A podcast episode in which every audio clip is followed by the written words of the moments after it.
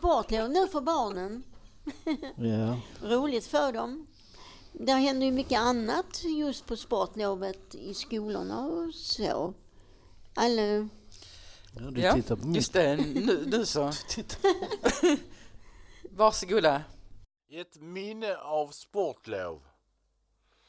1978 var jag i Mohås på sportlovet. Det ligger uppe i Uleåborg. Jag var på min mormors begravning. Vi var där i en vecka. Förutom begravningen så åkte vi skidor då det var mycket snö och vinterbastade. Jag kommer ihåg att det var sju grader kallt när solen var framme. Det var fin begravning och även upplevelse. Almåsa. Jag åkte ut till min kompisar i Almåsa. Det hade en stuga där. Dammarna hade frusit och vi spelade ishockey på dem. Vi hade turneringar och det var väldigt roligt. Vi fick komma in i kompisens stuga för att värma oss och fika. Hälsningar från Jonny.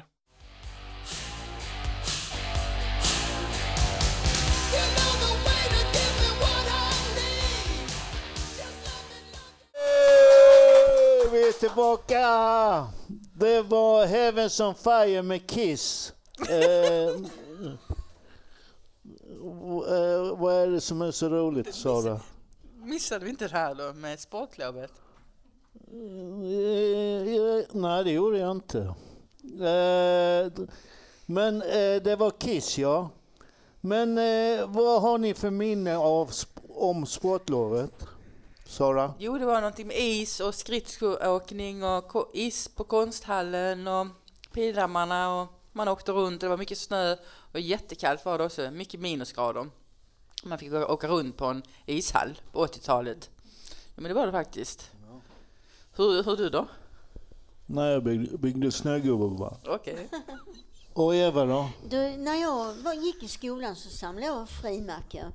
Och då fanns det ett ställe där nere vid triangeln. Det var någon, precis som loppis och det var bord överallt och så stod alla där med sina frimärkssamlingar. Och det var just på eh, sportlovet. Och jag vet, jag hade, hade morfar vet, som blev blind på ena ögat och han eh, var en frimärkssamlare. Så att jag fick hela hans frimärkssamling när han eh, vad heter det, blev blind på ena ögat. Det var jättemycket. Så jag sprang ju bara i affärer och tittade på eh, frimärken och hade sådana stora eh, eh, samlingsalbum. Och, helt, helt fantastiskt var det faktiskt. Okej, Det låter kul. ja. Det var väl kul? Ja, ja. Det var ju ett bra intresse liksom. Ja. Man satt ju alltid hemma liksom och pysslade med frimärkena. Mm. Ja. Nu du. Jag ska presentera Bo. Han ska bland annat prata om infarkter. Varsågod. Fråga Bo. Ett program för dig som tänker mycket. Fråga Bo. Fråga vad betyder infarkt? Svar. Infarkt betyder vävnadsstöd genom otillräcklig syreförsörjning. Sam kan sammansatt vara på olika sätt som i hjärtinfarkt, hjärninfarkt, stroke, blodpropp, emboli och propp. Dessutom i trafikinfarkt som i totalt stopp i trafiken i en tätort på grund av anhopning av fordon. Fråga. När började kolumnen Fråga Bo undrar Paulina. Det första, den första embryona för Fråga Bo var en fråga om samhälle kontra individ. Det var det sista numret 2014. Den första riktiga Fråga Bo var nog i det fjärde numret år 2015. Sen nummer 5, sida 16. Fråga. Varför hamnar löven i högar undrar Martin. Min gissning är att den, det är därför vinden blåser löven till platser i lä. Till exempel i kat, kanten av gatstenar vid trottoarer och runt hörn. Det och andra platser i lä tror jag är svaret. Annars kan det vara några gatusopar som skrattar ihop löven i högar och sen flyttar dem till en jättehög. Fast det kan ju vara gatusopare som blåser bort löven i högar också. Fråga. Vem var det som sa för övrigt anser jag att Kartago bör förstöras? Bo Handberg frågade detta. Svar. Den gamle senatorn Cato som alltid slutade sina tal med för övrigt anser jag att Kartago bör förstöras. Fråga. Det är ingen ko på isen. Vad betyder det? Svar. Att något inte är så farligt som en ko på isen, det vill säga som en ko på isen som kan braka igenom isen. Det är ingen fara, ingen särskild brådska eller ingen panik.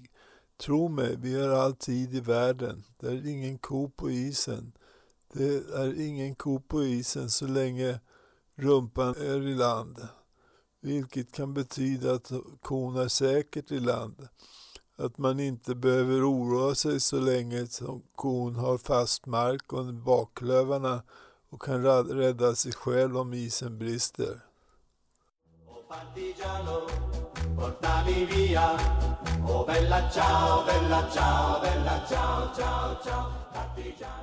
Välkommen tillbaka! Nej, men jag gillar faktiskt den här låten, Bella Ciao. Jag har lyssnat på den flera gånger och försökt lära mig den även utan till och den är även på den här dagen när man demonstrerar med klimatet och miljön och sånt. Samma låt. Och olika, olika sätt har den spelats. Men nu ska vi prata lite grann om dagböcker. Varför skriver man dagböcker? Ja, jag tycker det är för man ska minnas vad man har gjort kan vara trevligt att gå tillbaka i tiden och säga åh, det gjorde jag då, ja, och det, det gjorde jag då, och, och då och då. Men kommer du inte ihåg vad du har gjort då? Jag vet inte, jag skriver dagbok för jag tycker det är roligt och det är dagboken på här på huset i livesändning. Det tycker jag är jätteroligt för det blir en sån återkommande när de sänder så brukar jag alltid vara med liksom och folk börjar lyssna kanske och tycker det är trevligt. Precis som de andra inslagen alla andra gör här på huset. Liksom. Ja, varje fall, nu ska vi lyssna på min dagbok, Evas dagbok. Varsågod.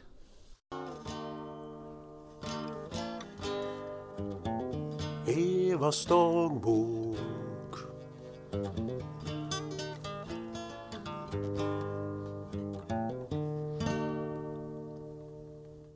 Evas dagbok jag har varit sjuk i halsfluss och varit borta ifrån jobbet. Men nu är det bra igen fast jag är lite snuvig fortfarande. Men hostar inte. Det känns så skönt att komma igång igen. Tiden är så lång när man inte har något att göra. Det var en fin radiosändning igår, faktiskt jättefin och trevlig, med alla intervjuerna. Idag ska några kompisar och jag i eftermiddag gå och käka pizza på Lilla Torg och det ser jag fram emot. Tack för att ni finns till. Jag älskar att vara här hos er. Tack ska ni ha allihopa. Många hälsningar från Eva och många hälsningar till Anders.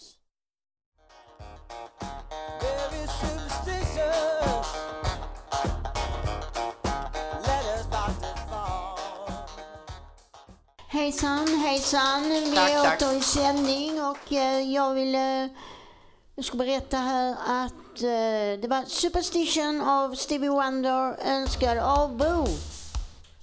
Sara? Ja hejsan. Mm. Jo, jag skulle också berätta om det här med synt. Det är mycket med synthesizer för länge sedan och syntens musik och Depeche Mode och vad han eh, tycker om Egg Hunter och den typen av sortens musik. Och eh, vet ni någonting om efter synten, hur det blev eller före synthesizern? den instrumentet? Du, jag har ingen koll på läget alls. Jag lyssnar nästan på okay. synt. Jag lyssnar aldrig på synt. Nej, jag lyssnar ibland på synt, men det var länge sedan. Mm. Det finns fortfarande sådana syntgrupper, syntfester. Du vet den här gruppen Alan Persson, är det någon sorts synt? Nej, det vet jag inte, just den. Alan Perssons Project. Va? Person yeah, Jesus. Pro Al Project? Yeah. yeah. I don't know, but others. Så... Mm. Då ska vi lyssna lite på Martin. Hej och välkomna till dagens avsnitt av Syntetisk resa med mig, Dr. Synt. Idag har vi kommit fram till år 1988. 1988 släpper Enya sin debutsingel Orinoco Flow. Guns N' Roses släpper Sweet Child of Mine och svenska Transdance får en hit med låten You're gonna get it. Front 242 bildades 1981 i Belgien och räknas som en av huvudskaparna av musikstilen EBM, eller Electronic Body Music. Namnet tog de för att ordet front kommer från en, om, om en idé om ett slags organiserat och folkligt uppror. Och 242, det såg bra ut rent designmässigt. Gruppen blev efter ett tag populär, bland annat på grund av sina ökända liveframträdanden med högt ljud, aggressiv scennärvaro, rök och blinkande lampor. När medlemmarna så småningom hittar sina roller i bandet så vill man försöka få fram en mer anonym och lite mer mystisk framtoning på scen. Det gjorde man bland annat med mörka solglasögon och militäriska uniformer så att de inte skulle bli lätta att identifiera. 1987 släpps albumet Official Version och det är då jag först upptäcker hur bra gruppen är. Jag får eh, tacka mina eh, syntkompisar från eh, högstadiet för den introduktionen. 1988 släpps låten Headhunter som är dagens låt. Och videon gjordes av Anton Corbin som även har gjort ett antal Depeche Mode-videos. Den filmades i svartvitt nära Atomium-byggnaden i Bryssel och använder ägg av olika storlekar som tema. Enligt gruppen så berodde det på att Corbyn hörde fel och trodde att titeln var Egg Hunter. Låten är deras mest kända och blev en stor klubbhit i USA. 1989 så såg de live i Lund för första gången. Jag minns att alla jag kände var där. Och det var en häftig spelning. Där en av medlemmarna, Richard 23, såg sjukt tuff ut med sina solbrillor, uniform och svarta kängor. Så nu mina vänner är det dags äntligen att lyssna på Front 242 och låten Headhunter. På återhörande!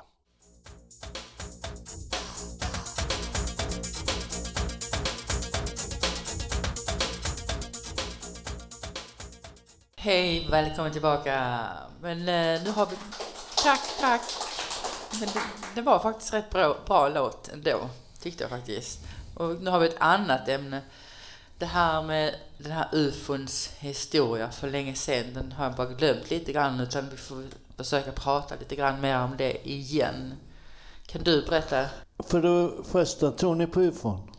Eh, ja, alltså vi ska diskutera det nu alltså. Ja, alltså men vill- har ni inte- sett något konstigt på himlen? Nej, inte jag. Eh, Men varför är det så spännande med ufo?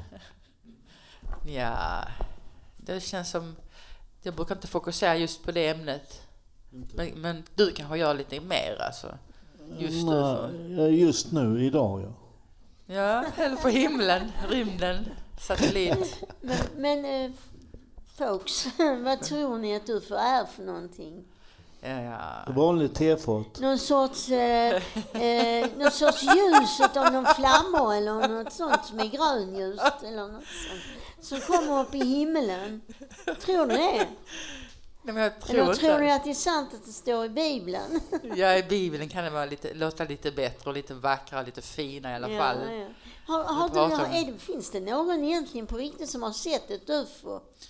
Vi, det tänkte man att experternas hemliga, hemliga egen specialisterna, de som kan rymden, satellit, alla planeter, Mars, alla de Neptu- Neptunius och Ja. Jupiter. Men, men tror ni på, verkligen att vi är ensamma i hela universum? Tror ni det? Nej, det tror inte jag. Jag tror det finns ett annat utanför.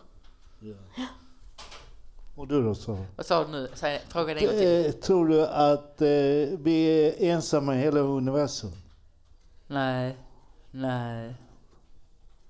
Men jag vet inte faktiskt mer vad jag ska säga faktiskt. Inte om just ufo i alla fall. Har du hört Lars berättelse, Peter? Nej, det ska vi lyssna på nu ju. Vi var ute i på en promenad. Där fick jag se på något fantastiskt. Jag tyckte jag såg nämligen, nämligen ett UFO. Det var ett flygande föremål. Ja, det är gullen, ett regulärt sådant. Jag tyckte det var spännande. Lars Andersson.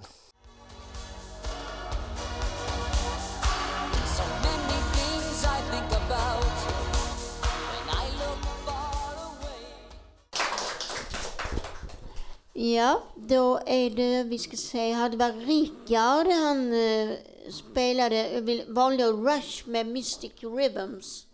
Och våran Rickard här, Ricardo, han eh, ställer upp som tekniker här och har valt musiken. Vi tackar honom för att eh, eh, han ställer upp varje radiosändning och torsdag för oss här.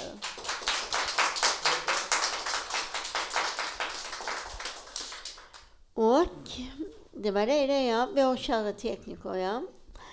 Ja, då är det Sara. Hej! Det handlar just nu om eh, vad det nu heter, akorafobi eller akrafobi. Men jag vet att det har med spindelfobi att göra. Och eh, först så ska vi lyssna på hennes inslag. Jag lider av arachnofobi, det vill säga en överdriven och irrationell rädsla för spindlar. Så att flytta till Australien, spindlarnas land, var kanske inte så klokt, men roligt. Jag bodde åtta år i Australien. Den lyckligaste tiden i mitt liv, men alla stora och farliga spindlar var en stor fasa för mig. Även om det finns många giftiga spindlar, som till exempel redback spider, har alla sjukhus motgift och det är mycket sällsynt att någon dör av ett spindelbett. Men för någon som jag med spindelfobi spelar det ingen roll när det finns spindlar stora som handbollar med ludna ben och kroppar. En gång i Brisbane, på Australiens östkust, tyckte min vän att det var kul att överraska mig med att ta mig till en passage där hundratals stora svarta ludna spindlar hängde i ett massivt spindelnät, det största jag någonsin sett. Jag vrålskrek av rädsla när jag såg dem och sprang för livet. Och ännu idag, 15 år senare, får jag panik och kalla rysningar av att endast tänka på dem. Likaså när jag gick hem från arbetet i tropiska Brisbane hängde stora spindlar i träden ner mot marken. Och jag var så livrädd att jag hellre gick mitt i gatan för att inte få spindeln i ansiktet. Bara tanken på att få en spindel i ansiktet eller känna den krypandes innanför kläderna gör att jag får panik och ångest. En gång i Adelaide i södra Australien, där jag även bodde, var jag ute och räfsade i trädgården när en handstor luden spindel klättrade upp för mitt ben och jag började skrika högt och dansa regndans i trädgården medan min dåvarande australiensiska pojkvän satt inomhus och skrattade. En vän berättade för mig att när han kom in efter att ha arbetat i trädgården såg han i spegeln hur en gigantisk spindel satt på hans huvud. Det var tur att det inte var jag, för då hade jag nog fått en hjärtinfarkt. En kväll när jag var ensam hemma i Brisbane och skulle gå och lägga mig såg jag en stor luden spindel, en huntsman-spindel, på dörren i sovrummet. Jag började skrika högt medan svetten rann i pannan på mig och tyckte till och med att spindeln tittade på mig. Och när den snabbt sprang, dunk-dunk, mot fönstret sprang jag ut ur rummet. Jag var så rädd och vågade inte gå och lägga mig. Klockan var säkert två på natten och ute var det en varm sommarkväll. Min dåvarande pojkvän arbetade sent på teatern så han kunde ej hjälpa mig. Istället gick jag ut och knackade på hos grannen. Storgråtandes knackade jag på hans dörr och när han öppnade trodde han att jag blivit överfallen då jag stod gråtandes mitt i natten med pyjamas. Please help me, sa jag. It's a huge spider in my bedroom. Take it easy, sa han och tog en burk och följde med mig hem. Väl hemma hos mig fångade han den stora spindeln men ett ben kom i kläm och högg av spindeln benet. Han såg själv riktigt rädd ut och darrade på handen.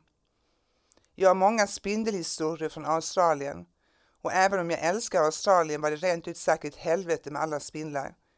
Så om du har aknofobi, akta dig för att åka till Australien. You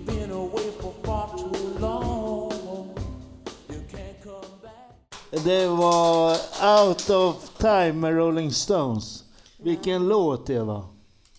Ja, det var en bra låt. Det var en jättebra Det var en låt. superbra låt. Ja. Ja, ja, jag har tappat minnet här. Jag hittar Har du inte rätt tappat i, minnet? jag hittar inte rätt i protokollet. Jag hittar inte rätt. Sluta. Fobier här, alltså med fortsättningen. Det är jag som kanske skulle fortsätta lite grann om spindlar. Att jag själv inte har alls några problem med spindlar. Jättemycket spindelväv spindlat i taket. och eh, några döda stycken styckna också. Och, men eh, silverfisken har jag själv vetat, förstått hur man snart ens städar ens silverfisk. Och eh,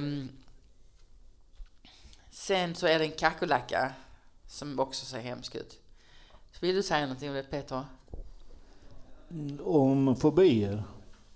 Nej, jag har inga fobier. Nej, Okej, ingen sån djurinsekt? Sån Nej. insekt? Insekt? Nej. Inte? Nej. När jag var barn hade jag mörkrädd. Var jag mörkrädd? Man vaknade mitt i natten och så tittar man. Ja, alldeles mörkt ut. ja. Ska vi presentera nästa inslag? Ja, det kan vi göra. Är det nu jag då? Ja. En Bo intervjuar vår praktikant Anna. Varsågoda. Hej, intervju med praktikant Anna. Vad heter du mer än Anna? Jag heter Anna Lucia Julia Svensson. Var Lucia kommer från att alla kvinnor heter det mellannamn på min mammas sida. Och eh, Julia fick min storebror välja när han var liten. Eh, och det valde han efter en häst som han tyckte väldigt mycket om på cirkus. Och- hur gammal är du? Jag är 23 år, så jag är född 1999. Och varifrån kommer du? Jag är född i Ystad, men när jag var fyra månader så flyttade jag till Schweiz. Men jag flyttade tillbaka till Sverige, till Skurup, när jag var sju. Och så växte jag upp här i området. Okej, och vilken skola kommer du ifrån? Kommer från eh, Malmö universitet där jag studerar socionomprogrammet. Mm. Hur fick du veta om fontänhuset? Jag eh, fick tilldelat en eh, plats från universitetet men jag fick valet om jag ville komma till fontänhuset eller ett HVB-hem. Och då valde jag fontänhuset och det är jag väldigt glad för. Och det var i samband med det som du fick veta om fontänhuset alltså. Precis. Mm. Hur länge ska du vara här på huset? Jag ska vara här en eh, hel termin så det blir till och med vecka 22 som är första veckan i juni. Ja, vi har hört att du brottas och har spelat handboll. Kan du berätta mer om det? Ja, jag eh, började brottas när jag var sex år gammal i Skurup. Men när jag var tio så började jag lite med handbollen och eh, då kombinerade jag lite brottning med handboll eh, tills jag påbörjade en elitsatsning i handboll när jag var 15.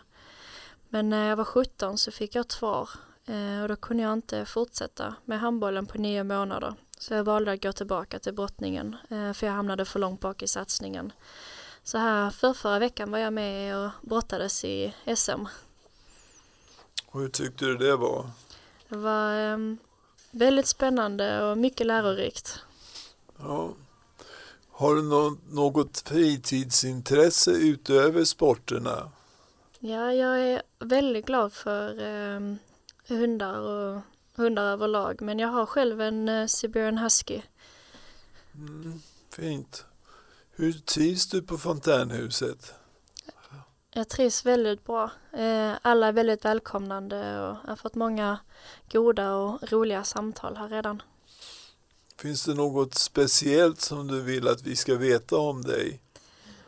Ja, det är en, eh, en bra fråga. Vi pratade lite om det sist och vi kom fram till med saker jag kanske inte tyckte om. Och eh, allt med yoghurt, fil och kvarg har jag väldigt svårt för. Ja, det är trevligt att få veta. Tack så mycket. Annars har det gått och lycka till med din praktik här på, hos oss på Fontänhuset. Så intervjuade Bo. Tack så jättemycket. Mm, tack.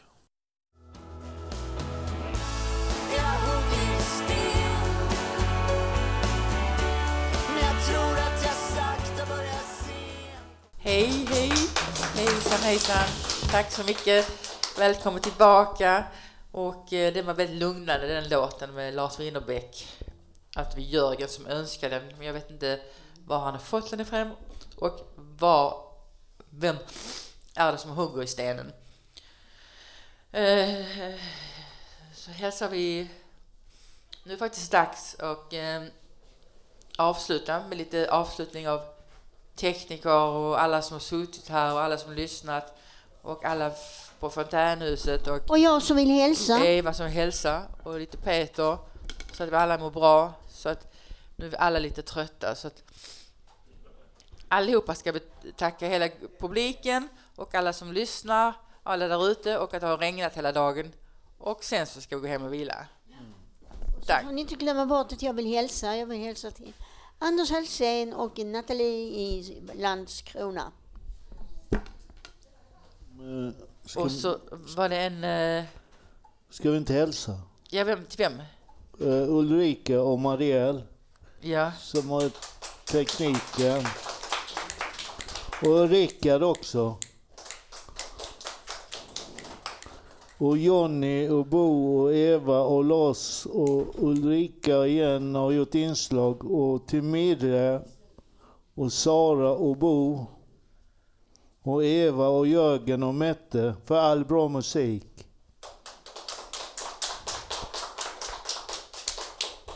ja. Och så har vi då den sista, sista, allra sista låten. Innan vi säger allihopa hej då va? Men tack till oss programledare. Ja, just det. Jag har inte sagt det några gånger.